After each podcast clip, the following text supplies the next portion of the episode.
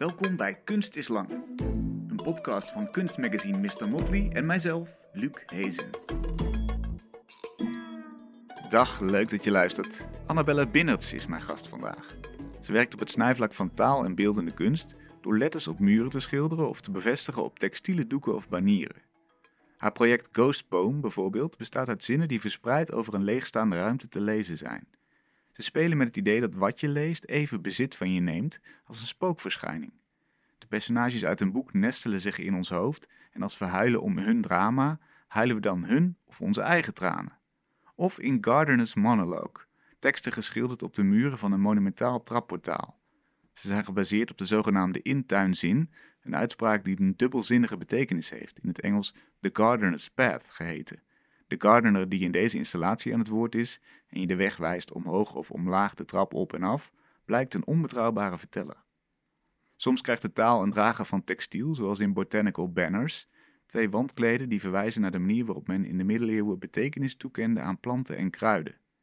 De een heeft een afbeelding van tijm dat vroeger gevlochten in een bos uit een raam werd gehangen ter bescherming van het huis, met eromheen de woorden I am well, een letterlijke vertaling van de Latijnse naam voor salie, salvia. En de andere is meer sinister en laat een onschuldig ogende goudsbloem zien. Als die in de middeleeuwen opkwam in je tuin, dan werd er gefluisterd dat er spoedig iemand zou doodgaan in het huis. Om die afbeelding staat de Unheimische tekst afgebeeld: A soft murmurs coming from below the earth, something sleeping beneath the soil, waiting beneath the surface, something's whispering your name. Wat de taal in Annabelles werk gemeen lijkt te hebben, is het even tevoorschijn laten komen van een tot dan toe onzichtbare wereld.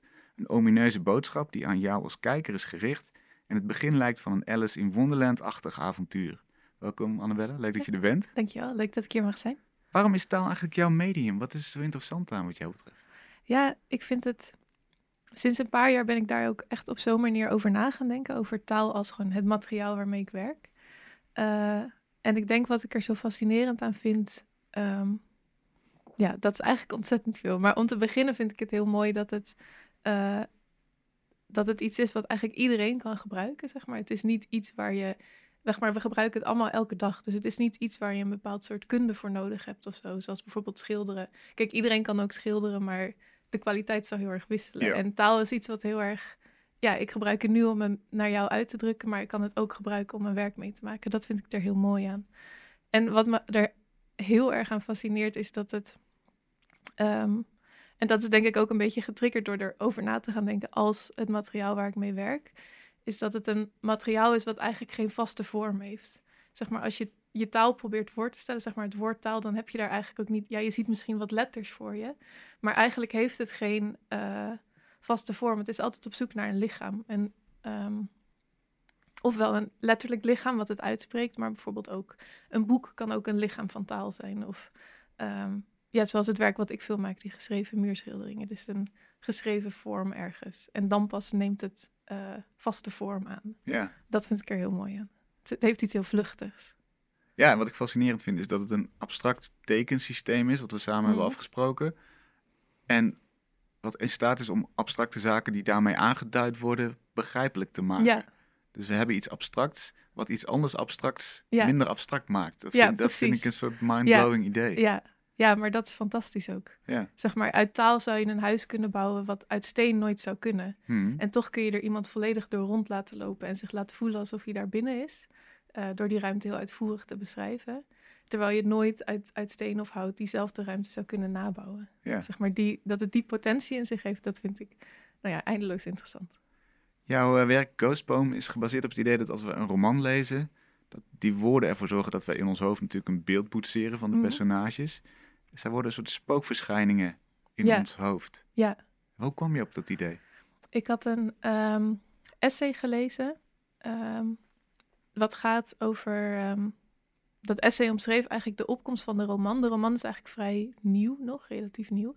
Uh, en toen de eerste romans in opkomst waren en mensen die ook in grote getalen ook echt thuis gingen lezen, toen ontstond er een soort angst dat, um, dat mensen het onderscheid kwijt zouden raken tussen wat het verhaal was uh, en wat, wat, wat, zij zelf waren. Of wat zeg maar de gevoelens van de hoofdpersonages waren en wat um, de gevoelens waren van ja, gewoon de mensen die de boeken aan het lezen waren. Ja.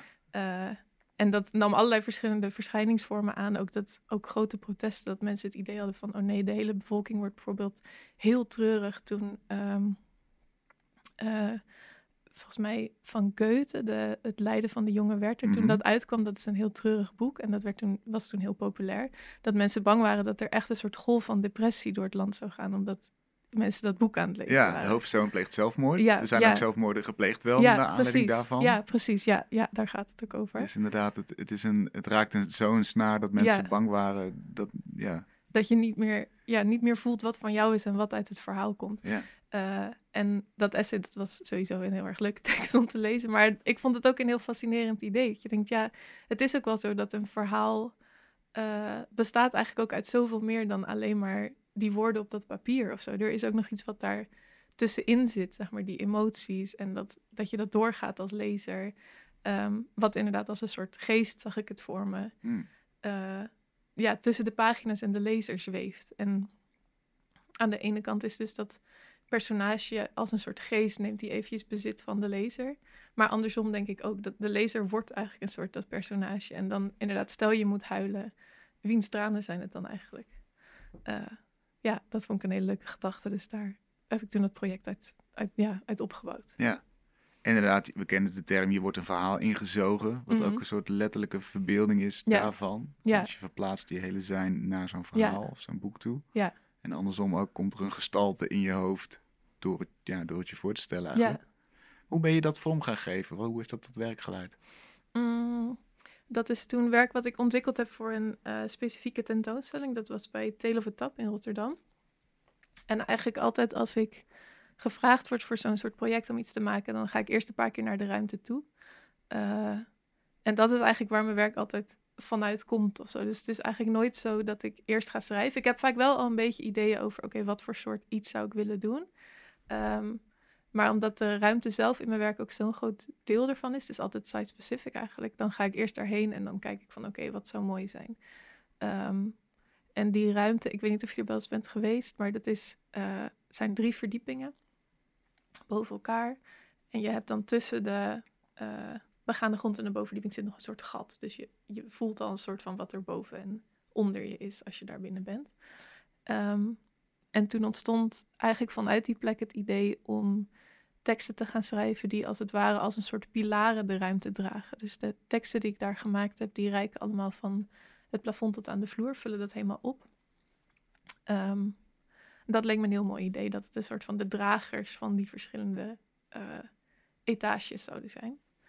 Ehm, ja, dus daar ben ik mee begonnen. En dan gecombineerd met dat, eh, die ideeën die ik had over die soort spoken of die geesten. Wat lezen we dan voor zinnen? Eh, ja, een van de zinnen die het denk ik ook heel mooi omschrijft is: eh, You are the ghost that haunts this sentence. Ehm, dus jij bent het spook wat door deze zin aan het rondspoken is. Hmm. Het is heel lastig. Het woord hand, het is heel moeilijk te vertalen naar het Nederlands. Ik vind het een heel mooi woord. Ehm, maar, en dat was zeg maar, op de begane grond waren drie zinnen die elk begonnen met you. Eh, dus dat was die en ehm, you will be crying written tears. En ehm, you will feel a breeze of words. En die zinnen, dat waren de eerste zinnen die je tegen zou komen. En ik wilde ook graag dat die direct een soort aanspraak zouden doen op de bezoeker, dus op de toeschouwer. Ehm, waardoor je ook meteen, zeg maar, zodra een zin begint met you, kan je niet helpen om ook meteen, dan word je zelf deel van die zin eigenlijk. Ja, je wordt Dus- aangesproken. ja, Ja, dus ik wilde daar eigenlijk meteen een soort van vat op krijgen. Uh-huh. Ehm, en dan boven was er a spell whisper, whispered softly and a distant hum, a soft sigh. Dus daar wilde ik het meer een beetje spookachtiger maken. Dus ook alsof die, alsof dat spook een soort van in die muren zou zitten. En alsof je terwijl je aan het lezen bent dat spook zou kunnen horen Mm. dat een beetje suggestie, ja, die suggestie opwekken. Dat je, terwijl je door de pagina's bladert, ook al een soort van iets kunt horen fluisteren wat langzaam ja, bezit van je gaat nemen. Of langzaam soort van in jou terechtkomt. Ehm, en dan in de kelderruimte stond één zin. Ehm, en die was als enige horizontaal. Dus die spreidde zich helemaal uit over één, eh, één lange muur. En dat was de zin: eh, You wonder how long these words will keep you here. En ehm, dat ging dan voor mij meer over. eh, ja, dat je soort van op een gegeven moment vastzit in dat boek en er niet meer uit zou kunnen komen. En daar je dan afvraagt van oké, wanneer word ik weer mezelf? Oh ja. Ehm, ja, maar ik vind het ook altijd, ik vind het altijd lastig om heel veel over mijn werk te zeggen, omdat zoveel ervan gaat voor mij ook over hoe een toeschouwer het interpreteert. Mhm. Ehm, ik zie het altijd ook alsof elk werk een soort samenwerking is tussen mij en de lezer of de toeschouwer. En dat ik een soort handreiking doe. Maar het is heel belangrijk dat het werk gelezen en geïnterpreteerd wordt en dat je je er iets bij voorstelt. En dan is het werk eigenlijk pas af. Ja. Dus ik heb ook altijd het idee van ja, ik doe misschien de helft en de lezer doet eigenlijk misschien de andere helft.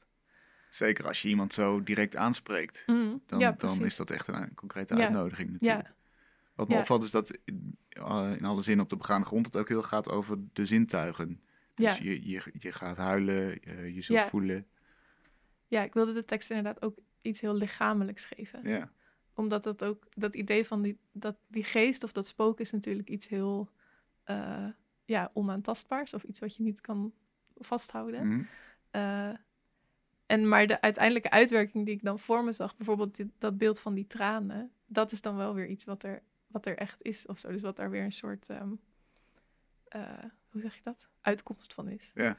Eh, en ook met inderdaad die wind die je kan voelen. Eh, Het zet ook natuurlijk je zintuigen op scherp. mhm. Als je, als je ergens op een muur leest, je zult een briesje voelen, ja, dan, dan ga je natuurlijk opletten, ga Ja. ik, voel ik nou een briesje Ja. of niet? Ja, Of hoor ik inderdaad zo'n geluid? ja, ja, precies. Is dat ook een beetje wat je, wat je wil, wat je beoogt met zo'n tekst? Ja, ja, dat wel, ja, vooral met die tekst, omdat het ook zo voor mijn gevoel heel erg over dat fysieke van lezen ging. En ook heel erg over je eigen lichaam en hoe je. ehm, eigenlijk ook als je een verhaal doormaakt of aan het lezen bent, dat, dat ervaar je ook niet alleen maar in je gedachten. Mhm. Dat is wel het grootste deel ervan. Maar je kan inderdaad ook ehm, ja, een rilling over je rug voelen lopen. Of inderdaad, als je leest over een hele. Je leest van de wind waait heel hard, dan kun je dat al bijna voelen op je gezicht. Ehm, dus dat wilde ik in die tekst ook heel graag oproepen. Ja. Dat gevoel meegeven. En ook het eh, fysieke van de, de tekst zelf. Als je de tekst boetseert als een Ja. pilaar in een Ja. ruimte, Ja, dan kijk je heel anders naar een tekst dan wanneer die gewoon op een A4'tje of in een boek staat. ja, klopt. Ja, dat is waarom ik ook zo, ehm, zo vaak in de tentoonstellingscontext werk. Of eigenlijk bijna alleen maar. Ehm, want als je een boek zit te lezen thuis op de bank, dan ben je eigenlijk helemaal niet bezig met hoe dat boek eruit ziet. Als je het oppakt misschien, Mhm. Maar zodra je echt in het verhaal zit, negeer je eigenlijk eh, hoe de pagina's eruit zien of hoe de tekst op de pagina staat. Dat valt allemaal weg, zodat je je ook goed over kan geven. Ehm, en in de tentoonstellingsruimte ben je zo aangeleerd of zo aangewend om juist te kijken naar hoe alles eruit ziet. Hoe groot iets is, welke kleur iets heeft, hoe het geplaatst is. Ehm, dat je eigenlijk, ja, die soort dubbeling zoek ik altijd op. Dus dat je aan de ene kant brengt de tekst je ergens naartoe, maar aan de andere kant, door de plaatsing van die tekst in de ruimte, maar ook überhaupt al door de context waarin die tekst zich bevindt, word je ook steeds weer teruggeroepen. Dus ik hoop altijd dat de toeschouwer soort van met de ene been nog in die tentoonstellingsruimte is en met het andere been al op de plek eh, of bij het gevoel wat wordt opgeroepen door de teksten die getoond zijn of die. En dat betekent dus ook dat dat andere been een wereld is die, die er nog niet is. Die jij Ja. moet toevoegen, die Ja. verder weg ligt of, Ja. of anders is dan de plek waar, je, waar ze nu fysiek zijn. Ja, ja, en dat is ook precies het deel waar ik dus niet, dat, precies dat afmaken waar ik het eerder over had. Ehm, want ik denk ook dat, nou ja, geen twee mensen zullen precies hetzelfde voor zich zien met dat an- in dat andere been, zeg maar, in die andere plek. Mhm. Dat vind ik ook zo mooi aan eh, werken met die taal. Ik kan soms, ik werk ook wel met beeldende elementen, dat vind ik ook heel erg leuk om te doen, maar ik kan dat soms ook heel dwingend vinden. Je zegt van, oké, bijvoorbeeld die banners waar je het over had in het begin, waar daar staan dan plantafbeeldingen op.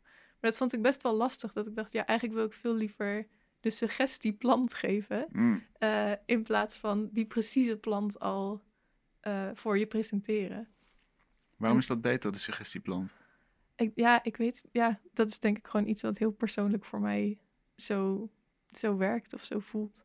Dat, eh, dat is denk ik ook wat ik zelf, eh, als ik naar andere werken kijk of als ik überhaupt ja, naar een tentoonstelling ga, vind ik het ook heel fijn als het me eh, zelf ook aan het werk zet op een Mm. bepaalde manier. Dus als je zelf, ja, als een soort puzzel die je op moet lossen of zo, ook een soort van actief bezig gaat met waar doet het me aan denken of waar brengt het me naartoe. En dat kan ik soms met beeld heel lastig vinden. Ik denk ook vaak als ik met beeld werk, zijn het ook heel, bijna symbolen. Uh, of een soort iconen meer dan, dan echt heel gedetailleerde afbeeldingen ergens van. Omdat ik dat ook... Een symbool doet eigenlijk een beetje hetzelfde. Ja. Ja, stuurt je een richting uit, maar geeft, zegt niet, hier moet je precies zijn. Ja, nee, precies. Ja. Als je zegt, mijn werk is een aanzet en de lezer moet dat afmaken, dan is een tentoonstelling die je in Tent in Rotterdam had wel interessant. Tijdens corona, uh, dat bestond uit meerdere fases eigenlijk. Mm Deer heet het. Deel 1 was te zien voor mensen, deel 2 niet. Ja, klopt. Toen moest je een ingreep doen op een, op een raam. Wat heb je daar gedaan? Ja, dat was een tentoonstelling die um, ja, dus plaatsvond bij Tent in Rotterdam. En de opzet was dat het idee van de curator, van uh, Rianne Zijderveld, dat had gemaakt. En haar idee was om elke zoveel maanden de hele opzet te veranderen. En daar had ik dus een heel scala aan muurschilderingen voor voorbereid, die dan um, ja, elke keer dat we zouden, alles zouden omgooien, zou ik delen weer overschilderen en nieuwe dingen toevoegen, dingen erbij plaatsen. Uh, en daarin had ik heel erg, was eigenlijk het eerste project waar ik heel direct had gefocust op die relatie tussen lezer en verteller. Um, ik was uitgegaan van het idee van de onbetrouwbare verteller. Dat is een verteltechniek die in uh, romans gebruikt wordt, soms waarin het verhaal aan je verteld wordt door iemand die vaak zelf ook een personage in dat verhaal is. Mm. Um, en vaak duurt het even voordat je dat door hebt als lezer. En eigenlijk krijg je dan dus een heel eenzijdige of heel gekleurde blik op het verhaal door. Maar dat duurt even voor je dat uitgevogeld hebt. Ja, fantastische constructie eigenlijk. Heel erg Toen ik daar voor het eerst over hoorde, was ik ook echt even weggeblazen. Ja. Want je hebt alleen die vertelstem om jou alle informatie door te geven. En als je dan beseft dat die ook niet kan kloppen, ja. dan, dan uh, wordt alles heel spannend. Ja, precies. Ja, dat opent zoveel. Ja, Je wilt als het ware, zou je die verteller opzij willen duwen, maar dan is er niks dan meer is er over. niks meer, ja, precies. Um, ja, dus ik dacht, was daarover nagedacht. En dus heel erg die interactie tussen lezer en toeschouwer. Maar toen, uh, nou ja, toen kwamen de lockdowns en nog een lockdown. En toen bleek dat er, er was nog wel looptijd over voor de tentoonstelling. Maar de lockdown was zo ver uitgestrekt dat het, het niet, niet meer open zou kunnen. Uh, dus toen moest in één keer dat hele project, dat, dat ja, die verteller was een soort van haar stem kwijt. Omdat je ja, als er niemand meer is om je verhaal te lezen, wat, uh, wat is er dan eigenlijk nog over van je verhaal? Wat kun je dan nog doen? Dus toen heb ik um, ja, mijn plannen omgegooid. En toen heb ik aan de buitenkant, dus op het raam van de tentoonstellingsruimte van Tent, daar heb ik één lange tekst voor geschreven. Die um, een soort van zin speelde op wat er dan binnen te zien zou zijn. Uh, maar zeg maar, er zaten verwijzingen in naar de werken die ook echt in de tentoonstelling te zien waren geweest. Maar er zaten ook dingen in die nou ja, daar niet zoveel mee te maken hadden. En er is een soort dubbelzinnigheid zat er ook in die tekst die soort van speelde van wat zit er aan de ene of de andere kant van een woord. Uh, dus het idee dat een woord een soort voorkant en een achterkant heeft. En die voorkant die, uh, dat kun, kan iedereen zien. En die achterkant is meer wat je je voorstelt bij dat woord. Of wat mm. er een soort van achterschuil gaat. Um, en toen heb ik voor binnen ook een nieuwe serie muurschilderingen gemaakt, maar die meer focuste op uh, ja, dat idee van de verteller die, die een stem is kwijtgeraakt. Um, en dus ook wetende dat niemand dat ooit zou lezen. Uh, behalve ik en degene die me geholpen hebben met, dat uitvoeren, met het uitvoeren van het werk. En wat doet dat dan met de betekenis? Um, ja, het was heel gek. Ik heb uiteindelijk uh, één zin heel groot op de muur gezet. Dat was every word in the sentence is asleep. Dus met het idee dat een woord in een soort slapende staat is en dat een lezer dat eigenlijk pas echt wakker kan maken en mm. pas kan activeren. Um, omdat ik denk, ja, een woord heeft ook geen betekenis als er niemand is om het te beluisteren of om het te lezen. Dan gebeurt er ook niks. Dan is het een soort ja, slapend ding. Dus in al, talloze bibliotheken over de hele wereld liggen boeken te slapen eigenlijk. Totdat eigenlijk ze, wel. Eigenlijk totdat wel. ze wakker worden gelijnd. Ja, ja, ja, dat denk ik wel. Ja. Um, en ik had een serie, een kleine serie met meer kleinere muurschilderingen gemaakt, die zich ook een beetje in de stoffige vergeten hoekjes van de tentoonstellingsruimte plaatsten. Um, die ook een beetje meer zin speelden op dat idee van uh, ja, tekst die verloren gaat. Hmm. Um, dus dan en dan heel laag bij de grond. En ook echt, het was ook echt heel stoffig daar. Sorry. Maar um, ja, met sommigen met nog een spinnenweb erbij en zo, zeg maar. Dus dat waren ook echt een soort van, ja, weggeveegde, weggevaagde uh, zinnen. Dus dan stond er bijvoorbeeld um, a question left unanswered of uh, an unheard remark. eh, ja, dit soort zinnen. Dus ook niet alleen maar met iemand die niet zinnen die niet, woorden die niet gelezen worden, maar ook eh, vragen die niet beantwoord worden. Of ja, woorden die letterlijk soort van blijven liggen Ja. en niet meer opgepakt worden.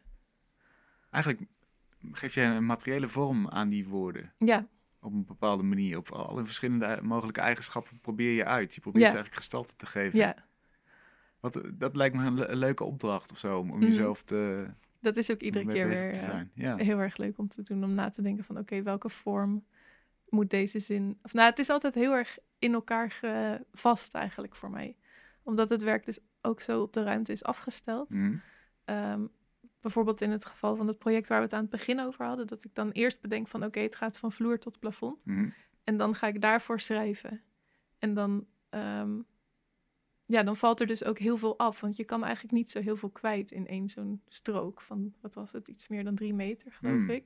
Dus dan ben ik het, het is ook echt een puzzel om het dan precies zo gevuld te krijgen. ruimtelijke kruiswoordpuzzel Ja, puzzel Ja, eigenlijk. ja, ja, Ja. en ik heb nu voor een tentoonstelling die nu te zien is, heb ik een eh, tekst gemaakt op textiel die de hele ruimte rondcirkelde.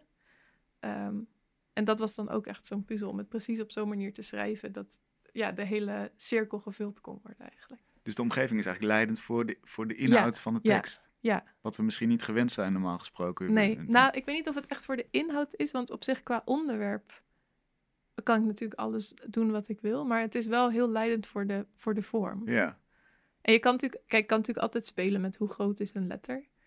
Ja. Ehm, dus, maar het is ook belangrijk dat je het nog wel kan lezen. en wat Eh. komt dan eerst als je zegt, eh, ik kan spelen met de vorm, maar de, en qua inhoud kan ik doen wat ik wil. Er zit dus niet een bepaald idee over de inhoud, ligt daar aan ten grondslag. Nou, soms. gaat het hand in hand? Soms, dat wisselt een beetje. Ehm, wat ik bijvoorbeeld meerdere malen heb gedaan, is werken met ehm, deuren. Of soort openingen, zeg maar, van die poortjes. Omdat ik het heel... eh, eh, dat vind ik vaak heel mooie, mooie ruimtelijke dingen om mee te werken. Omdat ehm, ja, het lezen van een zin kan ook heel erg zijn als een soort deur binnenstappen. Of een soort wereld binnenstappen. Dus als je boven een deur iets doet, dan speel je ook heel erg met dat die lezer waarschijnlijk daarna door die deur gaat lopen. Dus je schept ook een soort verwachting van wat er dan in die volgende ruimte plaats gaat vinden. Ehm, dus in die werken is dat heel erg hand in hand. Ehm, en dan speel ik daar heel erg mee. Maar het is in, bijvoorbeeld in de, ehm, die ghost poem met die pilaren zit dat dan weer minder. Dat het zo in, in elkaar vastzit eigenlijk. Ja. Dus het boetseren met taal is eigenlijk dat het begint met vorm en, en daarna Ja. bedenk je wat, welke inhoud voegt daar dan nog een Ja. laag aan toe. Ja, voor mij eigenlijk wel. Ik vind het ook heel moeilijk om, om uit het niks op een pagina iets te schrijven. Ik vind die, construct, die constructie, zeg maar, zeg je, die grenzen, Uh-huh. dat vind ik heel fijn. En op een, op een vel papier denk ik van, ja, alles kan nu. Dat Ja. is dan te veel. Oh ja. Dus dan ben ik ook geneigd om dan na te gaan denken van, oké, dat je over de randen van de pagina als een soort muren gaat benaderen. En dan kan ik nu daar dan weer iets mee doen. Wat ik interessant vond om te lezen is dat jij tijdens je studie heel veel met gevonden teksten werkte en Ja. ze niet zelf schreef.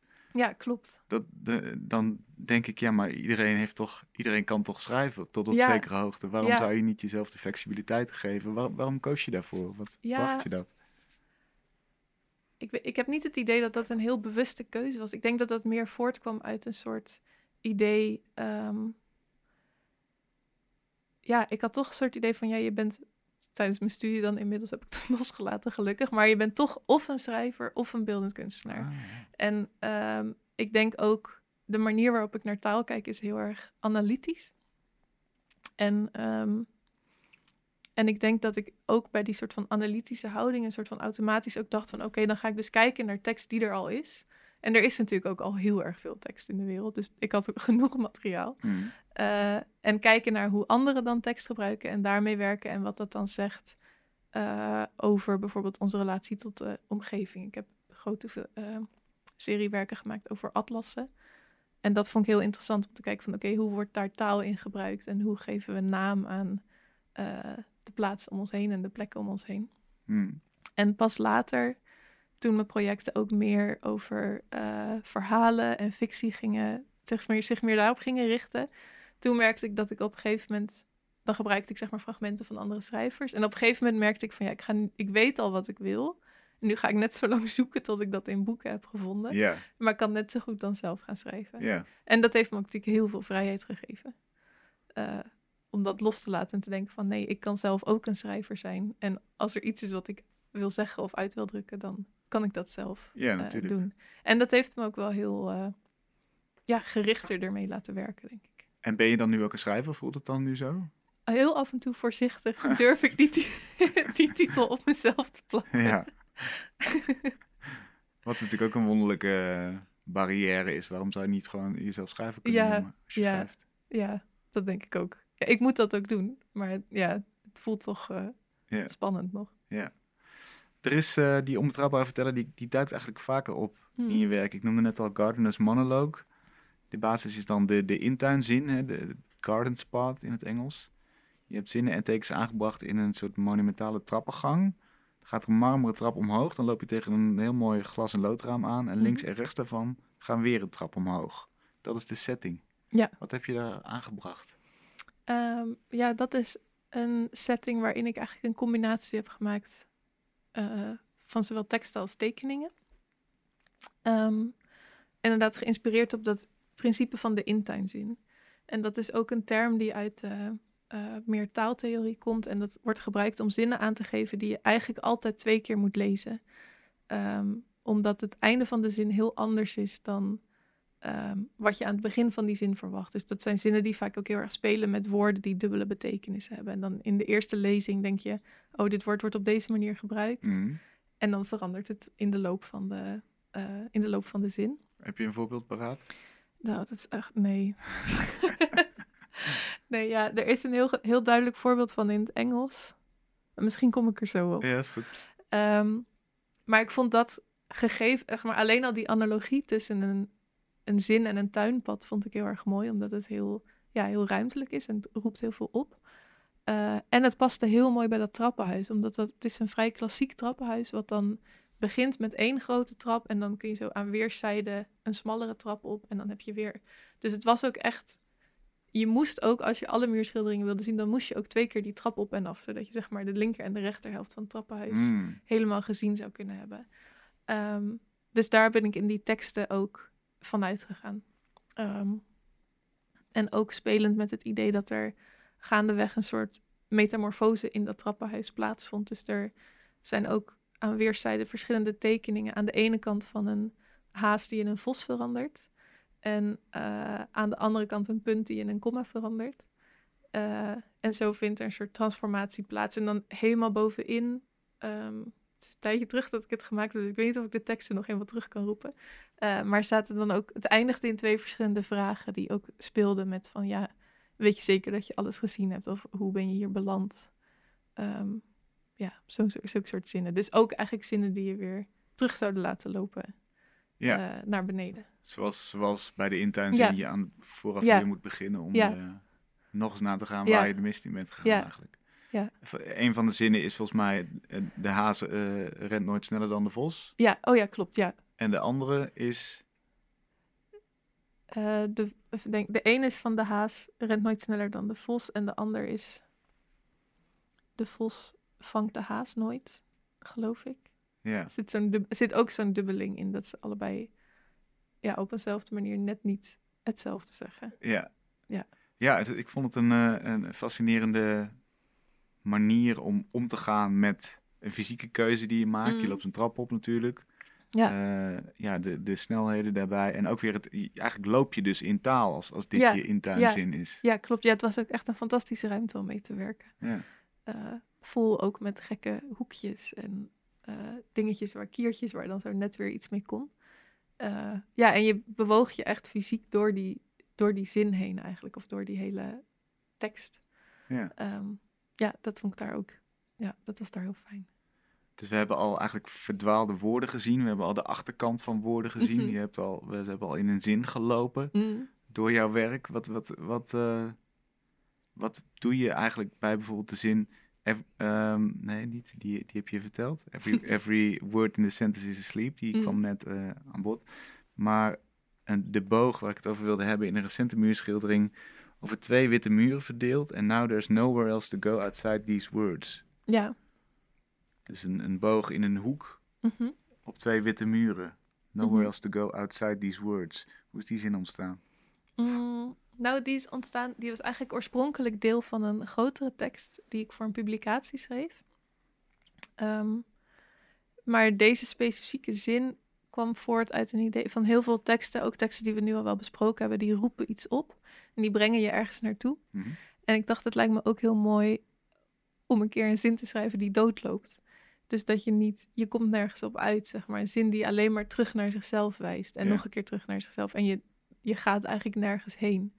Ehm, dus daar kwam dat idee vandaan. Ook, het was het deel in een, van een grotere tekst waarin ik ook veel over die achterkant van de woorden nadacht. Of wat zit daarachter.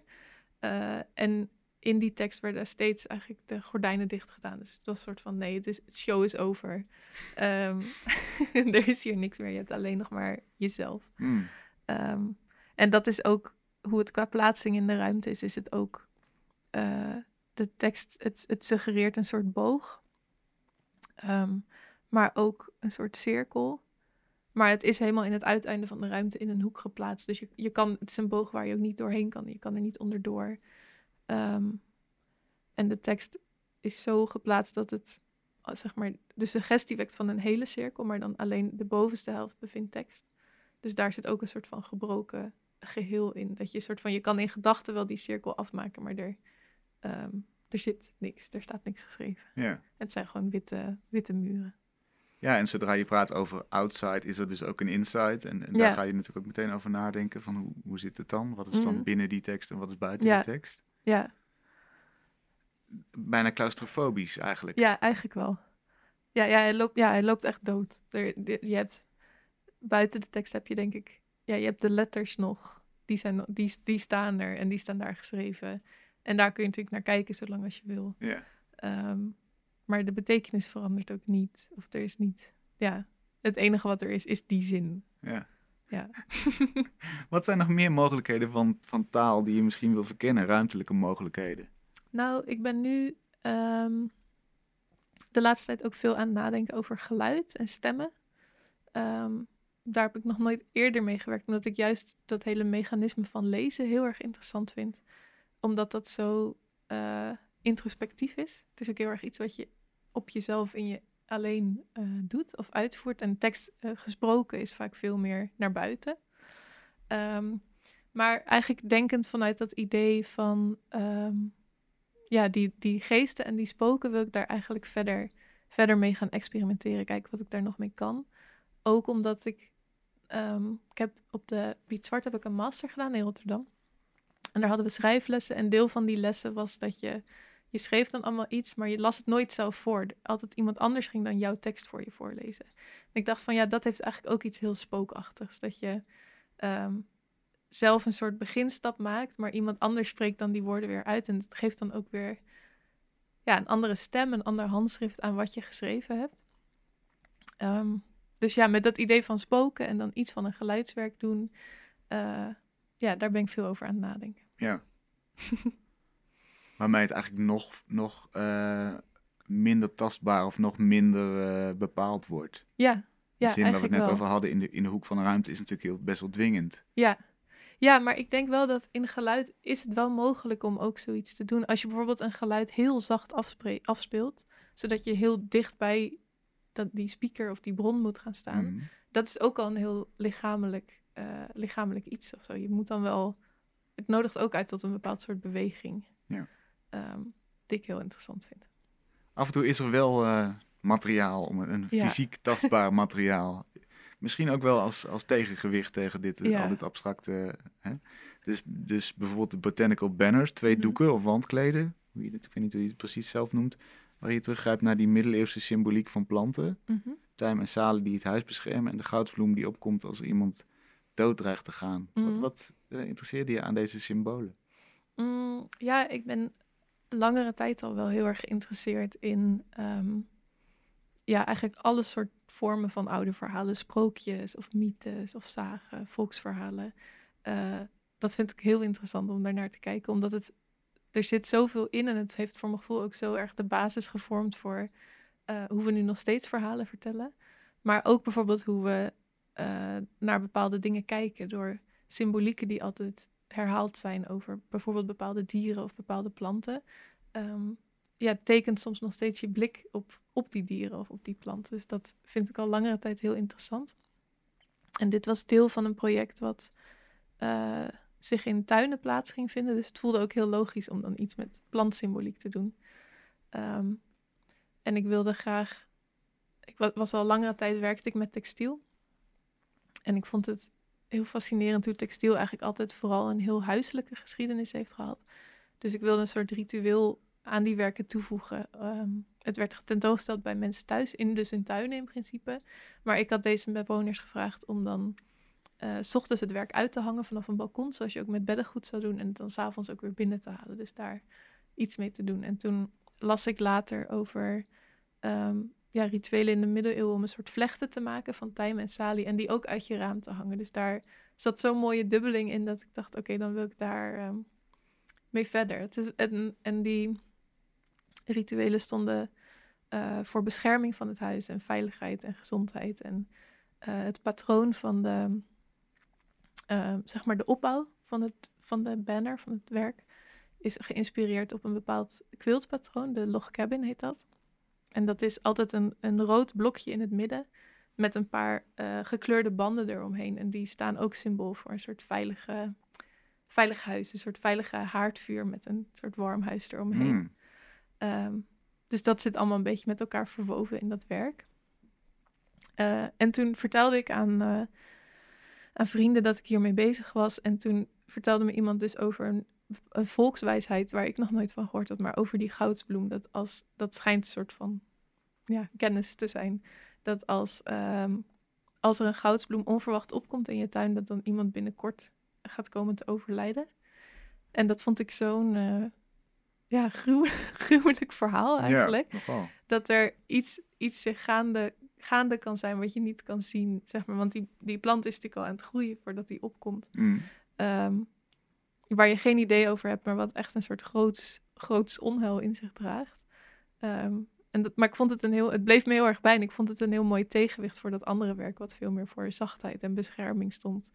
Uh, dat ik dacht, ja, dat vormt zo een, een, goed tweeluik, tweeluik samen. Ja. Ook omdat het, het voelde ook wel atypisch, omdat veel, zeg maar, plantwijsheid komt ook heel erg voort uit, um, nou ja, wat planten kunnen doen. Dus of ze uh, ook geneeskundige krachten kunnen hebben of je kunnen helpen ergens mee. En dit was zo recht daar, daar tegenover dat ik dacht, ja, het vind ik mooi om dat uh, dan te vatten. En eigenlijk gaat het hier weer om onzichtbare werelden die een beetje omhoog komen. Ja. Dat, is, ja. dat is toch blijkbaar wat. Ja. ja, dat zijn de, de, de poortjes waar, uh, waar jouw taal mm -hmm. naartoe, naartoe beweegt, naartoe opent. Ja. ja, ja, precies. Ja, weer iets wat soort van verborgen ligt. En dat is ook de, ja, de tekst die je al opnoemde aan het begin, die dan rondgaat, die verwijst daar ook heel erg naar. Van dat er iets al onder de grond je naam aan het fluisteren is, voordat je het nog maar zelf uh, kan horen. Ja. ja. Waar ligt de grens eigenlijk met die magische wereld waar je, waar je ons mee naartoe neemt of toe uitnodigt? Is het, is het inderdaad Alice in Wonderland-achtig? Of zeg jij, het moet nog een relatie hebben met de werkelijkheid? Zeg maar, hoe, uh, hoe magisch mag het worden? Mm, um dat weet ik niet. dat zijn grenzen die ik zelf nog aan het opzoeken ben. Denk ik. Maar ik vind het wel. Uh, waar we het eerder over hadden, zo dat gevoel van met je ene been ben je gewoon in de tentoonstellingsruimte. Gewoon tussen aanhalingstekens. En met je andere been ben je daar. Dat vind ik wel heel mooi. Dat je een soort heen en weer geslingerd bent daartussen. Ik zie mezelf ook echt niet snel een volledige roman schrijven waar je dan echt helemaal in meegenomen en weer weg bent. Het, is altijd, het zijn ook altijd korte zinnen. Mhm. Dus het is ook altijd een soort vingerknip of zo. Zo van, je gaat erheen en je, je bent eigenlijk bijna meteen alweer terug. Wat zou er gebeuren als je, als je het wel langer zou doen? Ja, dat heb ik ook wel vaker gedaan. Maar wat ik toch lastig vind aan binnen die tentoonstellingscontext met taal of met teksten werken, is dat je best wel iets van een bezoeker vraagt. Want om om het te laten werken, zeg maar, om dat effect te krijgen van dat je je met één been ergens anders naar verplaatst, uh, vraag je ook een bepaald soort overgave van iemand. Iemand moet echt de hele tekst lezen voordat je uh, er bent. Dus dat is iets, ik heb dat wel vaker gedaan, maar dan merk ik toch dat niet iedereen die moeite uh, doet of wil doen. Ja. Of je staat voor een muur, je bent aan het lezen en er komt nog iemand naast je Ja, staan. precies, je wilt je niet bent- in de weg gaan staan Ja, van die andere persoon. Ja, ja, exact. Ja, Ja. je bent dan ook sneller weer eruit, denk ik. Eh, maar dat is iets wat ik bijvoorbeeld in dat geluid ook wel heel erg voor me zie. Dat als, als er een geluid is wat dan wat harder is en wat je wat meer meeneemt, dat je dan ook weer met langere, langere teksten aan het werk kan. Hmm. Ja, zodat de basisspanning spanning er is of dat Ja. de- je, je aandacht vastgehouden Ja, wordt. ja, ja, precies. En het is ook wel, zeg maar, ook zoals bijvoorbeeld met dat Ghostbone project, maar ook dat project wat ik in Tent heb gedaan, Deer. Dat zijn uiteindelijk best veel teksten, maar geleidelijk aan loop je overal langs. Eh, dus dat is denk ik ook al een manier waarop ik wel langere teksten al geschreven heb, maar ze worden niet in één keer aan je gepresenteerd. Of Ja. Je beweegt je door de tentoonstelling en dan steeds weer kom je erin tegen. Wanneer werd je eigenlijk voor het eerst bewust van de kracht van taal? Dat je echt dacht, dit is iets, hier gebeurt iets magisch. Hier wordt een ruimte ontsloten die ik nog helemaal Mhm. niet kende. ik denk best wel jong al. Vanaf dat ik kon lezen heb ik altijd heel erg veel gelezen. Dus ik altijd in de boeken. Ik had op een gegeven moment alle boeken gelezen in de plaatselijke bibliotheek. Oh, Dat wow. ik zo, zo, het was ook geen grote bibliotheek, dat moet ik er wel bij zeggen. Ja, Eh, en dan alles voor mijn leeftijd, niet, niet alle kasten. ja, ja, ja. Maar eh, ik was daar altijd zo erg mee bezig en zo erg in. Ehm, omdat, ja, ook omdat ik dat heel erg leuk vond, maar ook, ik las ook alles door elkaar. En ik denk, ja, juist ook omdat ik dat zo, eh, ja, dat je zo helemaal ergens in kan zitten. En ook dat bijvoorbeeld personages je heel erg bijblijven. Kan ook heel erg hebben dat als ik iets uit heb, dat je dan echt die mensen ook een soort van mist. Hmm. Eh, dat je er moeilijk afscheid van kan nemen.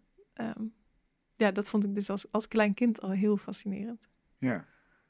Maar is dat dan, dat, dat zit niet in jouw werk? Zulke soort personages Nee, of zulke soort Nee, klopt. meeslepende Nee, thema's. Het gaat meer om de ruimte en de ruimtelijkheid. ja, klopt. Ja, dat is uiteindelijk wat ik denk ik ook... Dat is voor mijn gevoel toch beeldender of zo. Om daar iets mee te doen. Want dat is ook... Ik heb ook nooit schrijver willen worden bijvoorbeeld. Dat is nooit een, een plan geweest. Omdat ik juist ook beeldende kunst heel leuk vond. En het idee dat je soort van ergens in zit. Eh, ik hou ook heel erg van kunstenaars die echt grote installaties maken. Die je helemaal meenemen ergens naartoe of ergens doorheen. Ehm, ja, dus dat is tot nu toe altijd wel mijn, mijn focuspunt geweest. En dan in combinatie straks met geluid. Ja. Ja, en met dat geluid denk ik ook wel... Ja, ik ben nu grote verwachtingen van dit nog Zeker, niet gemaakte werk aan het scheppen. ook voor mezelf. Ja, heel goed. Eh, het hoeft niet overal te gaan, gaan voldoen. Maar ehm, zodra je een stem iets hoort zeggen, zit er natuurlijk ook al een persoonlijkheid in een tekst. Eh, en ja, daar kan denk ik heel veel mee. Ja, Ook om dan, want het, de te- soort, soort teksten waar ik over aan nadenken, dan zijn ook een soort monologen of dialogen. Dus dat gaat automatisch ook al meer voor ja, een soort introductie van personages zorgen. ik hoop dat er ook een eh, onbetrouwbare verteller bij zit. Dat hoop ik ook. Daar ben ik toch wel fan van. Ongetwijfeld. Dankjewel, leuk dat je wat verwachtingen wilde komen scheppen hier. Tuurlijk. Succes. Dankjewel. Tot zover Kunst is Lang van deze week. Wij worden mogelijk gemaakt door het Prins Bernhard Cultuurfonds, het BNG Cultuurfonds en het KF Heinefonds. Waarvoor veel dank. We zijn er volgende week weer. Tot dan.